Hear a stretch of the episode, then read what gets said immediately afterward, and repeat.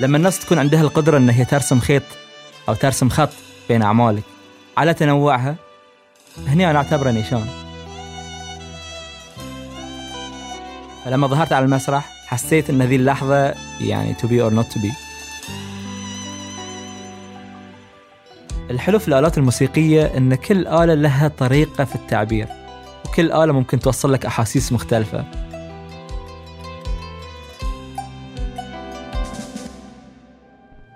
وأنا على الأرض حسيت إن مالي واقفة عقب هذه.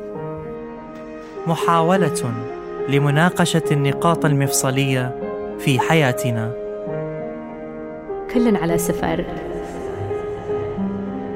هنا شبكة Kerning Cultures تستمعون لبرنامج فاصلة.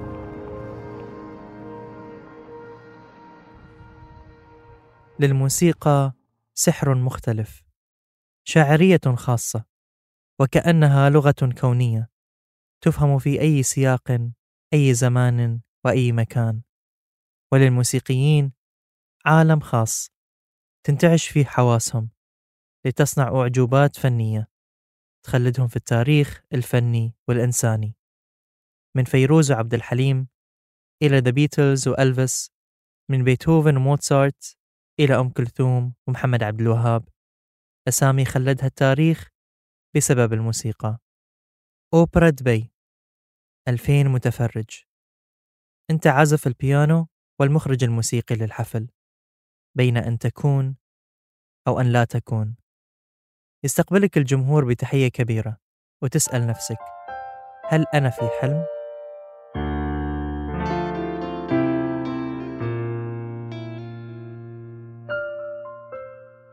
لحظة دخول مسرح دبي أوبرا هي من أكبر الهايلايتس حياتي كموسيقي. الشعور ما كان لحظي أن أنا الحين على مسرح دبي أوبرا. الشعور كان شمل كل التعب على مدى كل السنين وأن إيش كثر الأحلام ممكن تتحقق أنك تكون في مسرح sold out 2000 متفرج وأنت ال music director في ذي الحفل والمسؤولية العودة اللي تحملها واللذة الحلوة اللي تعيشها. شعور ما ينوصف. حلقتنا اليوم عن الموسيقى. وهي ثالث وآخر حلقات الشغف. محمد الحسن الملحن اللي راح نقص قصة اليوم قدم فن مختلف وعزف على مسارح عديدة من فجرية وطنية في سوق المنامة إلى أمسية فخمة بدار الأوبرا في دبي. ولأن النقلة بين هالتجربتين نوعية كان لابد من التحضير أنه يكون مختلف. لما تجمع كل شيء حق تجربة مثل دبي أوبرا بعد تحتاج أن تتوصل مرحلة level أكثر عشان تكون على ذي ال stage فكان عندك مهمة في خلال خمس شهور أن أنت توصل ذي ال level من التمكن من من مراحل التنفيذ الأعمال بشكل بسيط وحلو لين أنت تكون على أكبر المسارح لمدة ساعتين وأن الجمهور يتم معاك للنهاية. في التحضير حق ذي الحفل عشنا قصة حياة دليلة وكانت من المهمات اللي الأولى اللي لازم أسويها أن اختيار الأغاني اللي راح نقدمها على المسرح. والحفل مدته ساعتين. وساعتين بالنسبة حق حفل موسيقي فترة طويلة. تحتاج تحضير ضخم. فلو وزعناها لقينا إن إحنا لازم نسوي 20 عمل تقريبا للدليدة. فالتحدي لما أنت تقدم ساعتين كنا نبي نسوي شو مو بس إن إحنا نقدم أعمال. ففي خلال تركيبة الأعمال كنا نحاول دائما نسوي طريقة إن في كل عمل يكون في شيء مميز. فبدأنا الحفل مقطوعة موسيقية تشكل مجموعة من أغاني دليدة في عمل واحد. ركبناهم بشكل اوريجينال آه، يعني مثلا الجملة أنا كنت أقول كمان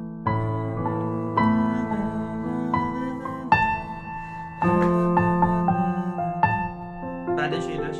جيتار تتخيل رؤيتك الفنية وتلحن الأغاني وتسوي كل اللي تقدر عليه عشان توصل شعور معين. لكن لما تسمعها على أكبر مسارح العالم تنبهر وتنسى شلون الواقع اللي تعيشه كان أصله فكرة.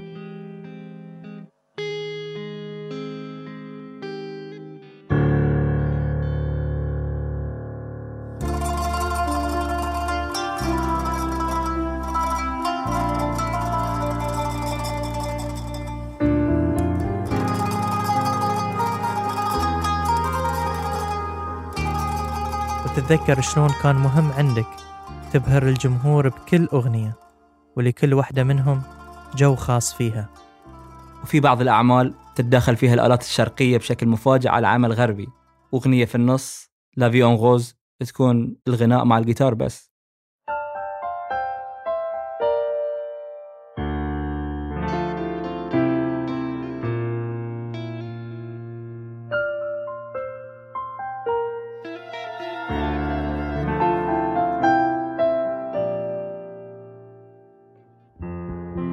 كانت ليلة خالدة لكل المتفرجين لعظمة دليدة ولإبداعات محمد الفنية والمسرحية اللي صار الجمهور جزء منها.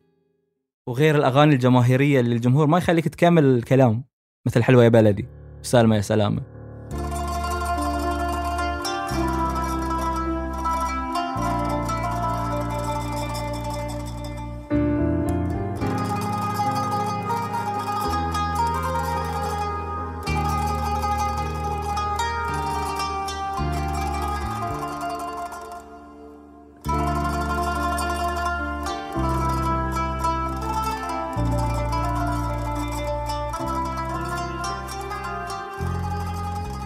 من دار الأوبرا إلى منزل صغير في أحد مناطق البحرين. نرجع بالزمن لمحمد الطفل اللي ربى في عائلة ما كانت فنية تماما ولكن تخللها حب الفن والموسيقى بأشكال مختلفة. بين أهازيج أبوه ودندنة أمه. بالنسبة حق طفولتي ممكن أعتبر نفسي آه، كنت هادئ ومن النوع اللي يحب يستكشف آه، يحب يدور في الأشياء يحب يجرب أشياء جديدة. والجانب الموسيقي في حياتي ما كان في أحد آه، موسيقي بحت يعني إنه يمتهن جانب الموسيقى في عائلتي. لكن في بعض الجوانب الموسيقية مثل الوالد هو إمام مسجد ومهتم جدا بالمولد وبالاشياء الصوفية ويمتلك صوت حلو. آه، فذي الشيء آه، وايد كان أثر فيني. هو كان من من أول الأصوات الحلوة اللي سمعتها. وفي طفولتي كنت أروح معاه حق المولد وكنت أحفظ بعض الموالد وكنت أقولها معاه وأنا صغير. و الحان دي الموالد دائما كانت جزء كبير منها مأخوذ من القدود الحلبية ومن الأغاني الشامية وبكلمات مختلفة. ويمكن ذي الشيء دخل في جانب اللاواعي بالنسبة لي. آه، حتى يمكن لليوم لما الناس يشوفوني يمكن آه، عندي تأثر عود في الموسيقى الشامية والإيقاعات الشامية وذي انواع انماط من الموسيقى. يمكن في اللاواعي لكن يعني لما أتذكر طفولتي أتذكر إن يعني وايد من ذي الألحان كنت أسمعها. يعني ممكن من الأشياء اللي أتذكرها آه، واحدة من القدود الحلبية اللي سمعتها بصوت صباح فخري يقول فيها مالك يا حلوة مالك؟ آه، هو الغرام غير حالك. ففي المولد كانت موجودة بنفس اللحن لكن كلمات مختلفة نفس آه، يا قبة الخضراء مالك؟ فتنتينا بجمالك. فدائما ذي الأشياء يمكن بعد 25 سنة وأكثر ما زالت موجودة في مخي رغم الانقطاع العود من ذي الشيء. لأنه كان شيء أنا وايد أحب الجانب الموسيقي يمكن بدأت البذرة ذي أسمعها في الموالد. وحتى الوالدة يعني آه، في طريقة تربيتها لنا دائما تدخل الأغاني في المهام اليومية مثلا لما إحنا تبي تشجعنا مثلا أنا كطفل انه وأنا صغير كلش يعني انه تسبحني مثلا. تغني لي أغنية معينة تكون أغنية بسيطة في كلماتها فيها حيوانات وفيها بعض الأشياء ذي. لكن في ذي الجانب الموسيقي اللي ليه اليوم أتذكره وهي تفتخر إنه يعني دخلت ذي الجانب فيني. فأنا أعترف إن ذي الجانب كان له تأثير حلو. في حياتي وفي تأثير موسيقي ان لم يكن بشكل مباشر كان ذي الأشكال الحلوة المتنوعة يعني في حياتي. للموسيقي علاقة حب من النظرة الأولى بالآلات اللي يحس بانجذاب تجاهها. وفي حصة الموسيقى في المدرسة الابتدائية تكونت أول علاقة بين محمد والأكورديون. وكانت هاي إشارة القدر الأولى اللي بينت له موهبته الموسيقية. المدرسة بالنسبة لي المدرسة الابتدائية كانت هي أول خطوة فعلية في الموسيقى اللي تتضمن آلات موسيقية وإن أنا أول مرة أتعرض حق آلات موسيقية وأعزف عليها. فكانت حصة الموسيقى بالنسبة لي هي مثل ما أنا طفل صغير أحب أجرب كل شيء وأستكشف كانت حصة الموسيقى بالنسبة لي هي فرصة لتجربة شيء جديد. كانت الآلات الموسيقية الموجودة في المدارس آه، مثل الإكسليفون والإكورديون والإيقاع. أنا جربت الأكورديون. حسيت بارتباط بالموسيقى وبهالآلة لدرجة أنه بدون أي تفكير آه، أول ما تسمعنا المعلمة لحن معين بعد انتهاء الحصة أتم موجود. وأحاول يعني دائما أجرب على الآلة ولين ما أسمع الصوت الصح لما أسمع غلط أغير. ففي هذا كان في الصف الثاني. فلما اتي الحصة اللي بعدها وأنا اكون مستعد ومحضر وأبي أسمعها أول شيء. أول ما ادش أبي أسمعها؟ اللي حضرته. آه، اسمها معلمة عزيزة. الله يذكرها بالخير. فكانت تنصدم. يمكن بالنسبة لها إن ذي الشيء مو من الأشياء الطبيعية اللي تشوفها إن طالب ما شرحت له بالضبط شلون يعزف لكن بعد يوم يجي يعزف الموسيقى ذي آه، قدامها. فكانت تعبر عن آه، إعجابها بذي الشيء انه كانت تلمني. وأنا كطفل يمكن ما كنت أعرف إن أنا شنو الشيء اللي عندي بس لما هي أشوفها كانت تلمني وما تلم الطلبة الباقيين حسيت إن أنا عندي شيء مميز وأحب أجرب مرة ثانية وكل أسبوع أحاول افاجئها بشيء ثاني. لين ما صار جزء أساسي من حياتي ودشيت في فرقة الموسيقى؟ وهني بدأ الاحتكاك مع الموسيقيين بدأ الاحتكاك على يعني بساطة الطابور الصباحي وذي التجارب البسيطة لكن هي كانت البداية. لكن في بيئة عائلية يغلب عليها حب الرياضيات وإدارة الأعمال ولو كان للموسيقى دور طفيف فيها ولأن محمد ما كان عارف تماما قدراته الموسيقية اتجه للطريق المهني الواضح والأسهل نسبيا. ولو اختار الموسيقى كتخصص لكانت رحلته الفنية بتاخذ منحنى ثاني. بالنسبة للجانب التعليم في الموسيقى آه، إحنا يمكن في مراحل في حياتنا ما نمتلك الوعي الكامل آه، وفي نفس الوقت آه، أنا كان عندي ذي الحب حق الرياضيات في طفولتي. آه وكان يمكن طبعا الجانب العائلي الكليشيه انه لما يكون مثلا إخوانك داشين في تخصص معين أنت تتأثر فيه. طبعا أنا بالنسبة لي يعني كانوا إخواني بالنسبة لي آه أخوي العود وخواتي آه مثل أعلى شلون كانوا مجتهدين وش كثر كانوا يحبون الدراسة وشلون كانوا متفوقين في دراستهم. ونقلوا لي حب الرياضيات يعني هم كلهم دخلوا في تخصصات لها علاقة بال business accounting و banking فأنا اخترت ال banking وكان جانب بالنسبة لي حبيته وحسيت إن الموسيقى ممكن أنا ما كنت أعرف شنو الطاقة اللي عندي للحين في ذي الفترة. كنت أحب أسوي موسيقى بس عمري ما دشيت في مسألة productions ولا في تأليف. يمكن كنت الف بيني وبين روحي بس ما قد أخذت الموضوع بشكل إن شفت الأبعاد اللي ممكن تجي من الجانب الموسيقي. ومؤنب على ذي الخطوة اللي أخذتها لأن يعني هي شكلت الطريق اللي أنا مشيت فيه وحتى الطريقة اللي تعلمت فيها الموسيقى كانت مختلفة وكانت يمكن تكون آه، بسيطة. وفي نفس الوقت دي الأسلحة الموجودة الأكاديمية ما زالت متوفرة الواحد ممكن يطور نفسه فيها. فحتى اختياري لذي التخصص كان له دور أساسي إنه وين محمد الحسن الحين لأن الجامعة كانت بالنسبة لي نقطة تحول لو درست موسيقى كنت بكون في مكان ثاني وكانت حياتي بتكون مختلفة.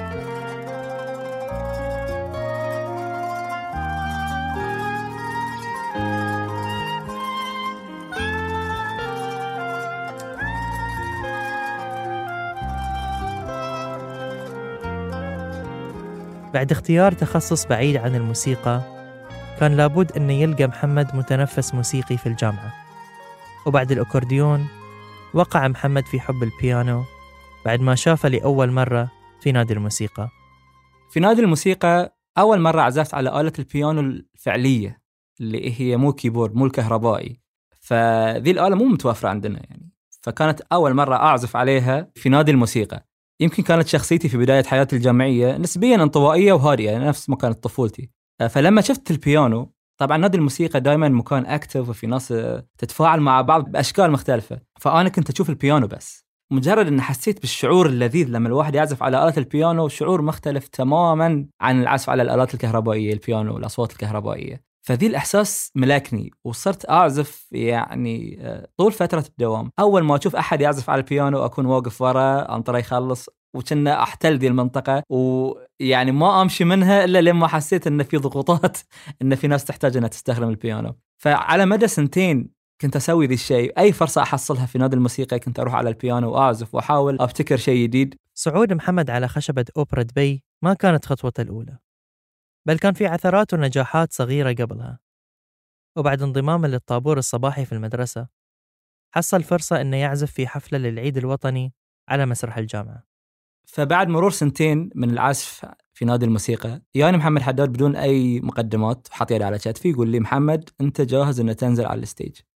يمكن كانت آخر مرة عزفت فيها في مكان في جماهير هو طابور المدرسة. وطبعا كانت عندي بعض المواقف اللي هي كانت خذلتني فيها الموسيقى قدام الطابور ويمكن كانت تاثر فيني لفتره الجامعة يمكن ما طلعت على أي stage بهالأسباب. فهو قال لي إن أنت جاهز تطلع في حفلات العيد الوطني. فهو كان وايد واضح من خلال كلامه الإيمان والثقة اللي قال فيه هذه الكلام. فقلت أنا حبيت أرجع حق ذي الجانب حبيت إن أخوض ذي التحدي مرة ثانية. طبعا ما كنت أنسى ذاك الموقف أيام المدرسة. فكان في أول حفل عيد وطني فعزفت في ذي الحفلة مقطوعة Journey of Love وهي أول مقطوعة ألفتها في الجامعة وكان حداد دائما يسمعها لما كنت أعزفها وأتدرب عليها في النادي. فلما ظهرت على المسرح حسيت إن ذي اللحظة يعني to be or not to be حسيت بشعور الرهبة لكن في نفس الوقت تفاجأت إن لما يا الوقت اللي لازم أعزف فيه ذي الرهبة تجمعت يعني في مكان صغير في داخلي لكن كان عندي كل التحكم الأريحية في يدي ومشاعري وفي طريقة العزف. فكان ذي الشعور أنا تفاجأت منه. وبكثر ما أنا كنت يمكن أتدرب يوميا على مدى سنة سنتين في الجامعة كثر ما كانت يدي خذت وكنت جاهز نفسيا حق أي تحدي عود فكانت ذي البداية. كانت القاعة مليانة. وصوت الجمهور كان غير. يعني أول مرة أسمعه من الستيج بذي الشكل. ومحمد حداد كان وايد يذكرني أن لازم تفتخر أن أنت أول مرة طلعت فيها على المسرح طلعت فيها بشيء أنت مألفه. صراحة أنا يعني عشت حالة سريالية عقب ما خلصت. كنت بيني وبين نفسي أفكر أن يعني ذي الشيء صار بعد فترة طويلة من انقطاع ان لذة الشعور الأول لما أنت تعزف على مسرح. هالفرص الصغيرة اللي تيسرت لمحمد أدت إلى تكوين فرص أكبر في نطاقات أوسع شكلت مساره المهني أو الفني. كان نادي الموسيقى بالنسبة لي أرض للفرص خصوصا مع إيمان محمد حداد فيني. آه، كانت لما تجي فرص موسيقية دائما هو يشوف الدائرة اللي حواليه ويشوف مين ممكن يكون آه، أهل لهذه الثقة. ففي أكثر من موقف في نادي الموسيقى كانوا السبب ان أنا وصلت للي وصلت له أنا اليوم. ففي مرة من المرات آه، وأنا قاعد في مكتب محمد حداد جاء الاتصال من آه، الصديق عبد الله جمال طبعا وقتها كان آه، مشرف في الجامعة. وفي نفس الوقت عضو في فرقة اسمها 13 Note. فكان يسأل محمد حداد إن آه، هل في بالك أحد نحتاج keyboardist حق الفرقة؟ فهل في أحد ممكن ترشحه لنا؟ فهني محمد حداد التفت علي وهو على التليفون قال إن عندي طالب أحس إن عنده القدرة إنه يكون موجود معاكم اسمه محمد الحسن. فدخلت في الفرقة. في ذي الفرقة كانت أول تجربة لي كعزف مع مجموعة وهذا الشيء يصقل الفنان بشكل عود. ودخلنا مع الفرقة في حفلات مختلفة في مهرجانات في معارض فنية وكانوا يقدمون موسيقى بين الموسيقى الشرقية والغربية. يعني هذه الفرقة كانت مرحلة حلوة في حياتي واستفدت منها وايد. يمكن أنا مو موجود فيها حاليا لكن دائما أحمل ذكرى حلوة في ذي المرحلة. وبعد الحفلة الأولى والفرقة الأولى كون محمد المبادرة الأولى له في الموسيقى باسم هارموني اللي تطورت فيما بعد وصارت أكبر من مجرد مبادرة ثقافية تطوعية. كنت أنا محظوظ أن أكون آه، من المؤسسين حق مبادرات موسيقية آه، مو بس تقدم الموسيقى ممكن تضيف قيمة موسيقية حق المجتمع. من ورش موسيقية من خلال بعض الفعاليات اللي تشرك الناس وتحببهم في الموسيقى. واحدة من هالمبادرات مبادرة هارموني واللي تحولت حق شيء وايد كبير. المبادرة هذه كانت ضمن مهرجان تاء الشباب الثقافي اللي يقام كل سنة في البحرين وإحنا أسسنا ذي الجانب الموسيقي الجزئية الموسيقية في ذي المهرجان. تجارب محمد مع هارموني شكلت خبرته الموسيقية على المسرح من تأليف، توزيع، وحتى التفاعل مع الجمهور اللي قدرنا نشوف تجليها الأعظم حتى الآن في حفلة دار الأوبرا. ال team work كان شيء أساسي في هارموني وبعض الأوقات كنا ندش في مراحل ضغط يعني التعامل مع عدد كبير من الموسيقيين في مرحلة كانت تقترب من النضوج لكن هي قاعدة تتشكل. فللحين أتذكر إن في بعض الأوقات ليلة الحفل كنا نقعد برا على الصالة الثقافية وحاطين يدنا على راسنا ونفكر بهيبة اليوم الجاي عقب. وطبعا كانت في أشياء بحكم ضغوطات العمل الفترة الزمنية اللي إحنا كان لازم نشتغل في فترة قياسية نفكر مع بعض إن نوصل مرحلة المثالية قبل الحفلة بشوي. ليه قبل الحفل ناخذ قرارات أساسية بحكم الوقت؟ ومن خلال الفعاليات اللي شاركنا فيها في المبادرة وايد أعطتني فرصة إن أنا أطور جوانب مختلفة في الموسيقى. منها التوزيع والتأليف الموسيقي ومنها التفاعل مع الجمهور ومنها آه، شلون إحنا نكون نوصل ال vibes حق الجمهور من خلال عزفنا. أوقات يمكن تكون فرقة تعزف بشكل وايد حلو لكن تشوفها على المسرح ما قاعدة تعكس من خلال ال body language حق ذي الشيء. فاحنا كنا لما نشوف ذي الاحتكاك ونجرب ونخوض التجارب ونعيش ذي الحب اللي من الجمهور كان يشكلنا بشكل وايد حلو وكنا ننضج من جوانب مختلفة وكنا ندخل بعض الأفكار في الأغاني ممكن بعض الأفكار ندخل تفاعل الجمهور نخليهم يدشون بجانب معين معانا. وبعد ما خاض محمد تجارب عديدة على المسرح صار الوقت إنه يجرب الوجه الآخر للموسيقى داخل الاستوديو. ولكل منهما لذته ولكل متعته ولكل حسه المختلف. الشعور لما أنت تألف وتدش الاستوديو وتترجم مؤلفاتك شعور مختلف إن أنت تكون على ال stage. على ال stage إذا كنت آلة واحدة بتعزف ذي الآلة بروحها. ما تقدر تبني فوقها وتقدر توصل الحالة مباشرة ولها تجربة وحس مختلف وردة فعل الجمهور مباشرة تحس فيها حتى بالصمت. أما في الاستوديو خصوصا لما يكون العمل مبني على فكرة معينة وعلى سيناريو معين أنت ممكن تبني على الآلات اللي سجلتها وممكن تسجل ويكون عندك كل التحكم في الآلات الموجودة وال dynamics والأشياء المختلفة. هو في شعور rush حلو لما تكون على ال stage وهذا الشيء أحتاجه في حياتي بشكل مستمر. بينما الاستوديو أقدر أبني بشكل لا نهائي وأوصل كل فكرة وأقدر أوظف عشرات الموسيقيين معاي في التجربة ذي ومن حول العالم. فكل تجربة مو ممكن تتحقق مع الثانية. كل واحدة لها لذاتها يعني. أصدرت مبادرة هارموني ألبومها الأول باسم قاسم حداد تقريبا وكانت تجربة محمد في التلحين لهذا الألبوم صعبة جدا لكون القصائد اللي تم اختيارها نثرية وتشكل تحدي كبير للملحن. القصائد النثرية وايد تشكل تحدي حق الملحن. فكنا نقعد مع بعض ونفتح الكتابات ونحاول نختار منها عشان نشكل الأغاني. كان شيء صعب صعب صعب جدا. وصلنا مرحلة إنه يمكن نبطل الدواوين. وأنا كنت أسرح كنت ما أشوف كلمات لأن أحاول أقرأ وألحن في نفس الوقت لكن ما قاعد ما قاعد تصير آه، ما قاعد يصير click ويطلع أول عمل اللي يحسسني ان أنا أقدر أشتغل في ذي ال project. لما وصلنا مرحلة شفت قصيدة جمرة الفقدان. والصفحة الثانية منها. الصفحة الأولى منها هي صدفة اكتشفت بعدين إن هي مكان آمن للحب. وأنا صدفة كنت مبطل على الصفحة الثانية وشفت الكلام. آه، طلع معاي آه، ما طلع كنا قاعدين في coffee shop وأنا كنت جايب ال keyboard معاي. فقعدنا نسوي ورشة وجربت ألحن المقطع وأسمعهم في نفس الوقت ليه ما قدرنا نطلع شكل كامل حق العمل مبدئي. هني حسيت إن إن الموضوع يصير وإن في أمل إن ممكن أخوض تجربة الشعر النثري. بالنسبة حق التلحين كل عمل يختلف عن الثاني. بعض الأعمال تبتدي من الكلمات هي تستفز اللحن وهذه صار عند كلمات قاسم حداد مثلا. الكلمات كانت بقالب مو بعمودي ما كانت قالب مغناة. فهذه استفاز إن ألحان تطلع غير تقليدية لأن طريقة الكلمات مكتوبة وما كانت للغناء. بينما أوقات تطلع مثلا ثيمة موسيقية وأدور عن الكلمات اللي تناسبها فكل عمل ممكن يبتدي من زاوية ثانية وهذا اللي يخلي تنوع حلو. ممكن أعزف مقدمة رسالة إلى المنفى.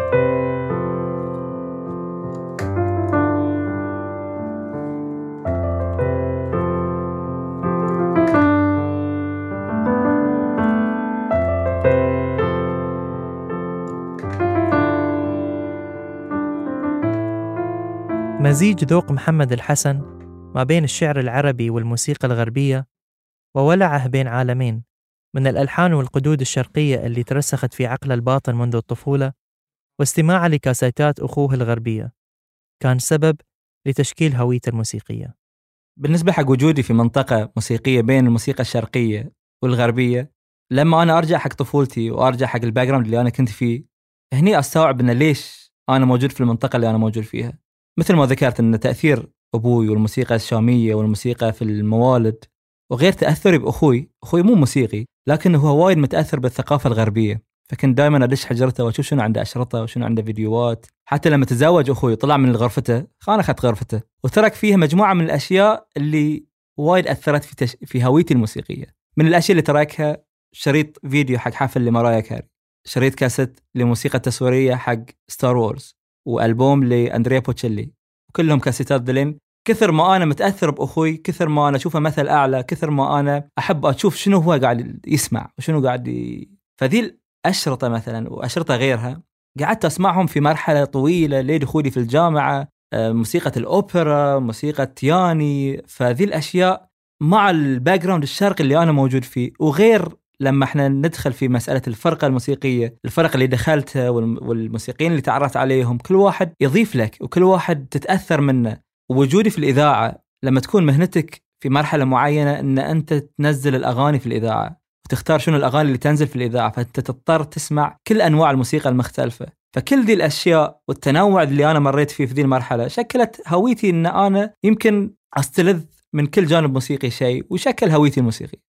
قط مرة سمعتوا أغنية بلغة ما تفهمونها لكن حسيتوا بالشعور كليا. أو قط سمعتوا موسيقى ورسمتوا سير قصة وشخصيات وراها.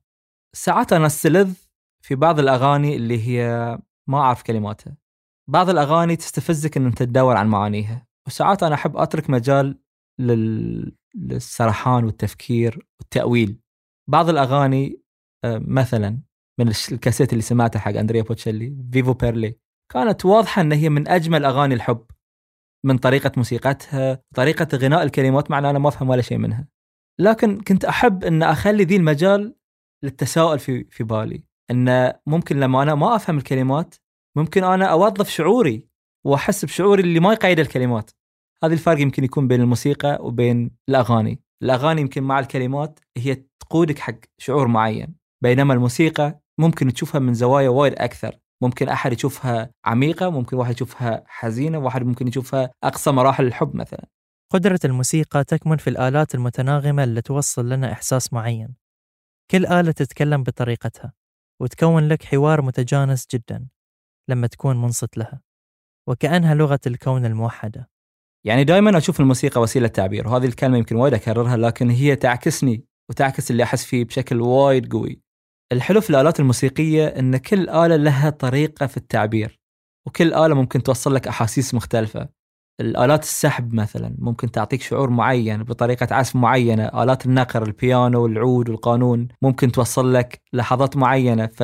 فعندك يعني خيارات مو محدودة عشان توصل إحساس معين. ممكن توصل إحساس التنشن ممكن توصل إحساس الحب. فذي التنوع في طريقة عزف ذي الآلات تعطيك خيارات غير محدودة إن أنت توصل وتوصف قصة معينة. وطبعا الإنسان باحاسيسه هو يوصلك نص المسافة الثانية لما يسمع ذي الشيء.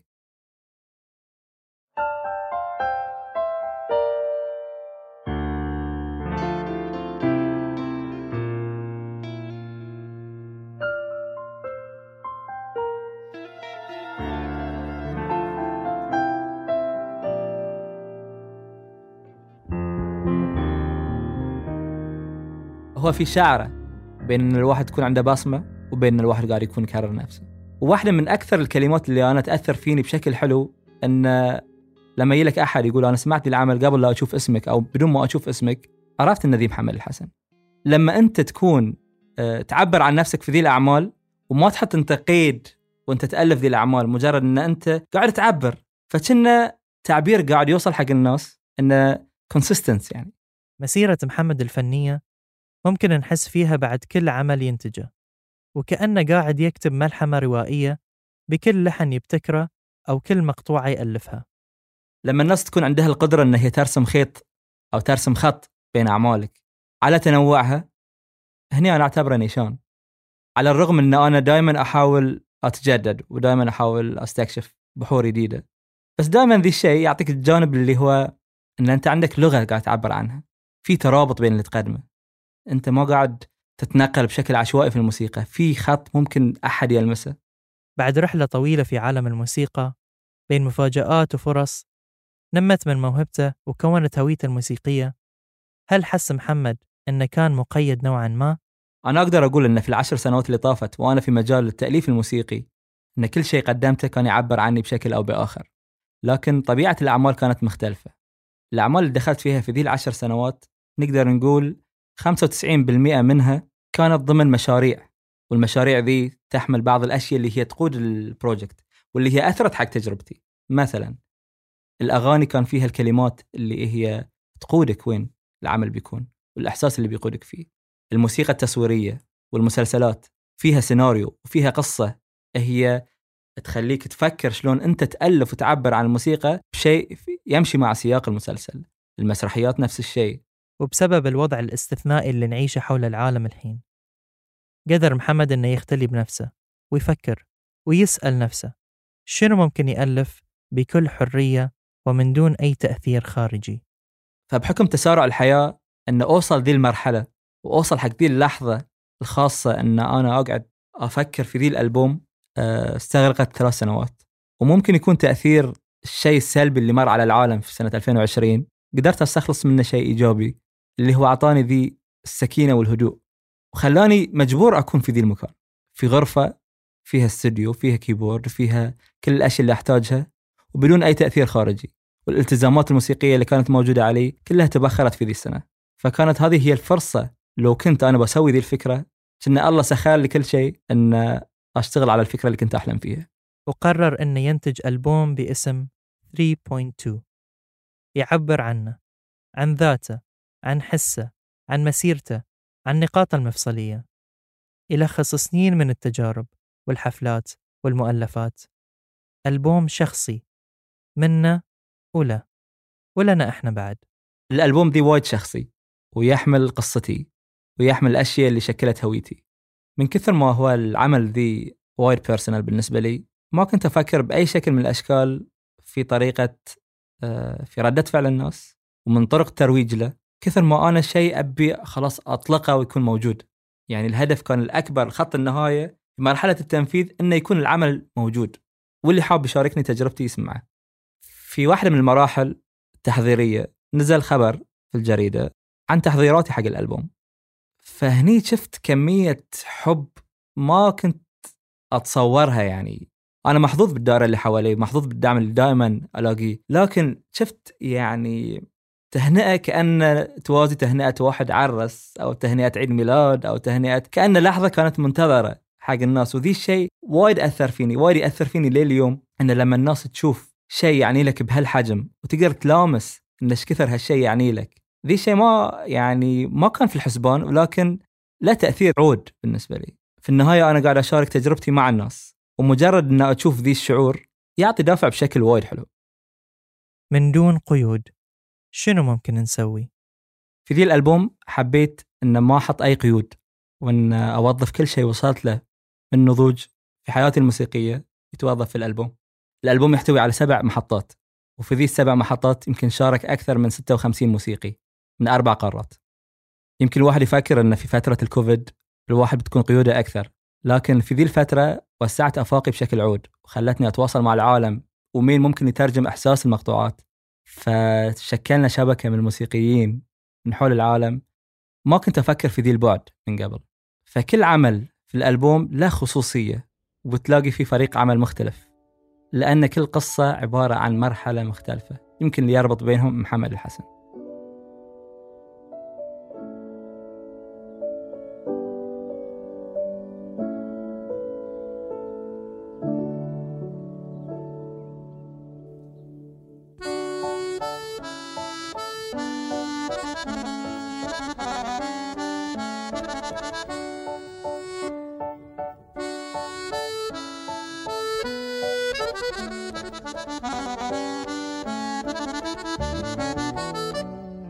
بإمكان الموسيقى أن تدهشك عندما تسمح لها بذلك. استشعر الألحان في أغانيك المفضلة نغمة بنغمة. تمعن في كلماتها. شاركها مع من تحب. فهي لغة تعبر عن ما لا يمكن التعبير عنه. اسمح للموسيقى بأن تغيرك بأن تثري روحك بأن تحرك قلبك. اسمح لها بأن تمتلكك ومن ثم تغنى بها.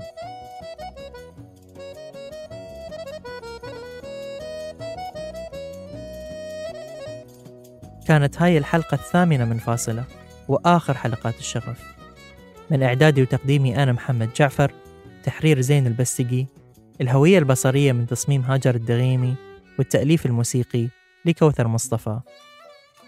الموسيقى في هذه الحلقة من تأليفات محمد الحسن. تابعوا at الحسن دوت ميوزك على إنستغرام لمعرفة المزيد عن ألبوم 3.2 لمحمد الحسن اللي بيصدر قريباً. لا تنسون تشتركون في القناة وتقيمون الحلقة على أي منصة بودكاست تستمعون لنا منها وشاركوا الحلقة مع اللي تحبونهم. إلى أن نلقاكم في نقاط مفصلية أخرى.